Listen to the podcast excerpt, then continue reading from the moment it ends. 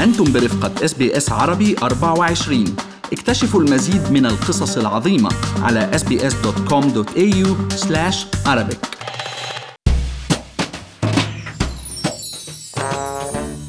أظهرت إحصاءات التعداد السكاني لعام 2017 إنه أكثر من 15% من عدد السكان بأستراليا تتراوح أعمارهم بين ال 65 سنة وما فوق. ومن المتوقع أن يستمر عدد ونسبة كبار السن من الأستراليين بالزيادة ليصل بحلول عام 2057 إلى 22% من عدد السكان الكلي.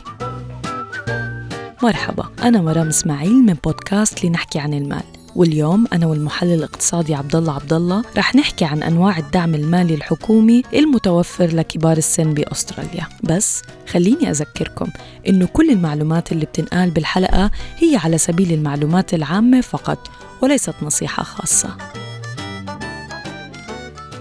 هلا نحن كنا مرام قبل تحكينا بحلقات سابقة على إنه كيف ممكن نبلش بعمر صغير نخطط لسن التقاعد. بس في كتير منا بيمرقوا بظروف معينة أو بيسائبهم حظ إنه بيوصلوا لسن التقاعد ما بيكون عندهم خميرة مثل ما بنقول أو ما بيكونوا مستقلين ماديا إنه يقدروا يتابعوا حياتهم آه، بشكل مستقل. لهالسبب من حسن حظنا إنه في الحكومة الأسترالية عندها عندها برامج لمساعدة الناس اللي بتوصل لسن التقاعد لتأمين مستوى أدنى من الحياة الكريمة وللناس اللي بحاجة طبعا. أكيد عبد الله الكثير منا من خلال عمله بيحصل على السوبر هاي متفقين عليها بيستفيد منه صحيح. عند سن التقاعد ولكن صحيح. مثل ما ذكرت في كثير ناس ما عندها سوبر بكفي لظروف معينة أو مثلا السيدات اللي بيشتغلوا أو مش بيشتغلوا سيدات المنازل صح. فبهالحالات الحكومة عندها برامج التقاعد المسمية بالأيج pension اللي بتوفر رواتب كل أسبوعين لتدعمهم ماليا طبعا قبل ما ندخل بالتفاصيل خلينا نقول للمستمعين إنه المعاش اللي بيقدمه ال Centrelink بينقسم لثلاث فئات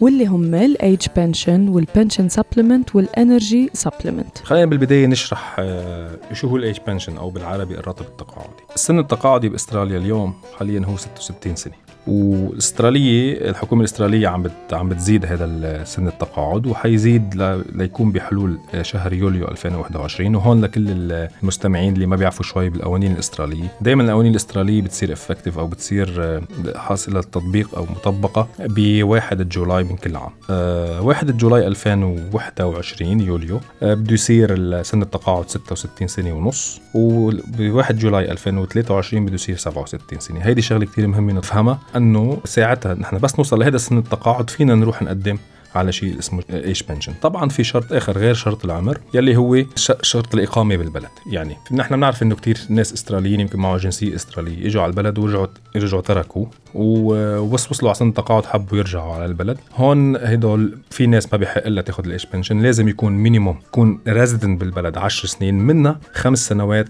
بفتره فتره واحدة وطبعا أكيد آه، يمكن صح ما يكون عندنا superannuation بس ولكن ممكن يكون عندنا استثمارات نحن إذا كنا عايشين بأستراليا كنا عملنا أصول استثمارات عم يدخلنا منها مدخول شهري معين وهي الأصول لها قيمة معينة. بقى بيخضع الشخص المتقدم لطلب ال age pension لفحص لهيدي ال income and asset test وعلى أساسها بيقرروا هن إذا بيطلع له أو ما أو ما بيطلع له. إذا بيطلع له قديش النسبة اللي بيطلع له منها؟ الدفعه القصوى اللي ممكن واحد يوصل لها إذا كان أعزب لحاله. هي 850 دولار بالأسبوعين وإذا كانوا couple 1282 دولار بالأسبوعين. صحيح عبد الله يعني كمان بيقدروا الأشخاص المستفيدين يحصلوا على دفعة إضافية اسمها بنشن سبلمنت تبلغ قيمتها 68 دولار تقريبا للأشخاص اللي هم العزاب يعني و103 دولار للمتزوجين. هاي الدفعات للمساعدة طبعا بفواتير الإنترنت والدواء والهاتف وفي دفعة أخرى للمساعدة بفواتير الكهرباء ما شاء الله يعني يعني أغلى فاتورة ممكن تدفعها بحياتك هون. وفعلا هي استراليا من أغلى فواتير بالعالم يعني. رح يعطوهم 14 دولار لل singles و21 دولار للمتزوجين لحتى يساعدوهم بفاتورة الكهرباء. بس مع شوي يعني بيضووا لمبة يعني فيها يضووا لمبة. كمان بنذكر عبد الله إنه هناك برنامج تاني اسمه widow pension للأرامل ولكن هذا رح يتوقف العمل فيه فيه بعد 20 مارس 2020 يعني بعد كم يوم. وكمان في برنامج تاني اسمه wife age pension يلي فيه مستفيدين منه اليوم ولكن الحكومة وقفت قبول طلبات جديدة من عام 1995 وخلينا بس هون مرام من بس نركز على فكرة إنه ال widow اللي هن على ال widow pension هلأ حينقلوهم على ال age pension يعني ما رح يخلوهم انه حتكنسلوها وخلص. yeah. لا هو بيصيروا تابعين لل age pension صحيح. وللمساعدات عبد الله من مواقع أخرى غير ال Centrelink في ممكن مساعدات أخرى متاحة بتقدمها منظمات مثلا مثل Saint Vincent de Paul و Salvation Army ومنظمات أخرى كمان تحت غطاء اسمه emergency relief services. يعني إذا بدكم تروحوا على منظمات غير ربحية بتسألوا عن برنامج ال emergency relief services اللي برضه مقدم من الحكومة الأسترالية على شكل vouchers أو قسائم بمبالغ محددة. أظن الواحد بيقدر يحصل عليها مرة أو مرتين بالسنة مثل مثلا المجلس العربي بسيدني اللي بيقدم هاي الخدمة ويمكن كمان التواصل معهم لمعرفة المزيد. تمام مرام هلا قبل ما على موضوع شوي أعقد بس خلينا نذكر إنه هاي الأرقام اللي نحن عم نذكرها هي أرقام حد أقصى. ممكن الأشخاص ياخذوا آه يكون حق لهم بس حسب ال income تبعهم ال asset تبعهم يطلع لهم أرقام أقل من هيك. بقى نحن عم نذكر الأرقام الأقصى اللي ممكن الواحد يحصل عليها. هلأ مرام بدي أحكي عن موضوع نتفي صغيرة معقد. في برنامج قروض بيقدمه الحكومة الأسترالية لكل اللي بينطبق عليهم شروط ال pension يعني العمر والإقامة. ولكن عندهم أصول أو income من محل معين ما بيخولهم ياخذوا ال full rate أو حتى ما بيخولهم ياخذوا ال rate. هول الناس بحق لهم بفترات معينة يتقدموا على قرض ياخذوا من خلاله ال maximum rate لل pension وهذا طبعا القرض بيكون مع فوائد. هلأ هن لازم يرجعوا يدفعوه. يعني هذا أنت عم, تقترض من الحكومة يمكن فترة معينة يخف ال income etcetera وأنت بال age pension بحق لك تطلب هذا القرض. بس هن إذا ما أنت رجعت دفعته بيرجعوا بياخذوه من الورثة تبع الشخص بعد ما بعد ما يتوفى. ولهيك لازم يكون في asset معين مرتبط. كشرط معين إنك أنت تملك منزل معين أو asset معين بالبلد كشرط إنك تحصل على هذا القرض. لحظة عبد الله يعني أي شخص وصل لعمر التقاعد وبيستوفي الشروط ولكن عنده مدخول آخر أو عقار يعني ال Centrelink ما بيدفع له دفعة كاملة بإمكانه إنه يقترض مبلغ التقاعد من الدولة. 100% مرام بسطتيها كثير منيح. thank you لك بس لأن الموضوع شوي معقد ننصح نحن استشارة ال Centrelink للحالات الخاصة. طيب كمان الحكومة بتدفع لأحد الشريكين اللي خسر شريك حياته مساعدة لمدة 14 أسبوع اسمها bereavement allowance. وهو بيخضع لنفس الشروط تبعت ال pension وبيدفع بنفس النسبة عبد الله. تمام. طيب هلأ خلينا نلفت نظر المستمعين. هلأ يمكن اللي بيقولوا إنه شو هالأرقام القليلة هيدي؟ ممكن more or less حسب كل واحد شو ال lifestyle تبعته خلينا نلفت نظر المستمعين على نقطة إنه بإمكانهم هن حتى لو كانوا لو انهم على age pension وحتى لو عم بيقبضوا من الحكومة ال age pension بيحق لهم يضلوا يشتغلوا. في من ضمن ال program ال age pension شيء اسمه work bonus ال pension يلي هو بيحق لك تشتغل up to 300 دولار كل أسبوعين طبعا.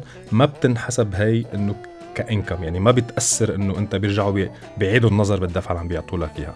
يعني اليوم في شيء بال age pension اسمه income test free area يلي هو 174 دولار للفرد و308 دولار للمتزوجين إذا أي شخص عنده أي income من عمل أو من عنده بيت مأجر وعم يطلع له 174 دولار مثلا أو كانوا partner 308 دولار. هيدي بضل يحق له ياخذ pension هون الحكومة ما بت full pension على هاي الأساس.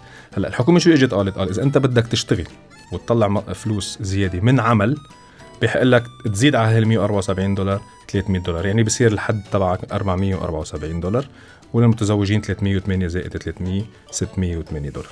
حلوين. كمان عبد الله المتقاعدين بيحصلوا على concession and health cards بيحصلوا من خلالها على حسومات عديدة وأبرزها حصول على الدواء بأسعار مخفضة جدا وفي منها ثلاث أنواع. ال pensioner concession card وال health card وال health care card وال Commonwealth seniors health card وبيقدروا مستمعينا يعرفوا الفرق عن طريق زيارة ال Centrelink تمام مرام وفي نذكر المستمعين بشرط كتير أساسي إنه وجودنا بأستراليا هو من أحد ال prerequisite يعني إنه نكون حصل على ال pension هلأ بحقنا أكيد نطلع نزور ونكزدر برات البلد ولكن في أيام معينة مسموح فيها خارج الدولة نكون خارج الدولة ولازم نبلغ ال Centrelink قبل ما نسافر. وهي ضرورة وأكيد لو بتعرفوا حدا ممكن يستفيد من المعلومات شاركوه بالحلقة اللي بتقدروا تسمعوها وتسمعوا غيرها على موقعنا وعلى كل منصات تحميل البودكاست المفضلة عندكم.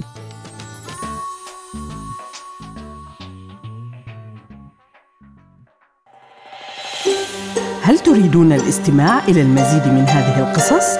استمعوا من خلال Apple Podcast، Google Podcast، Spotify أو من أينما تحصلون على البودكاست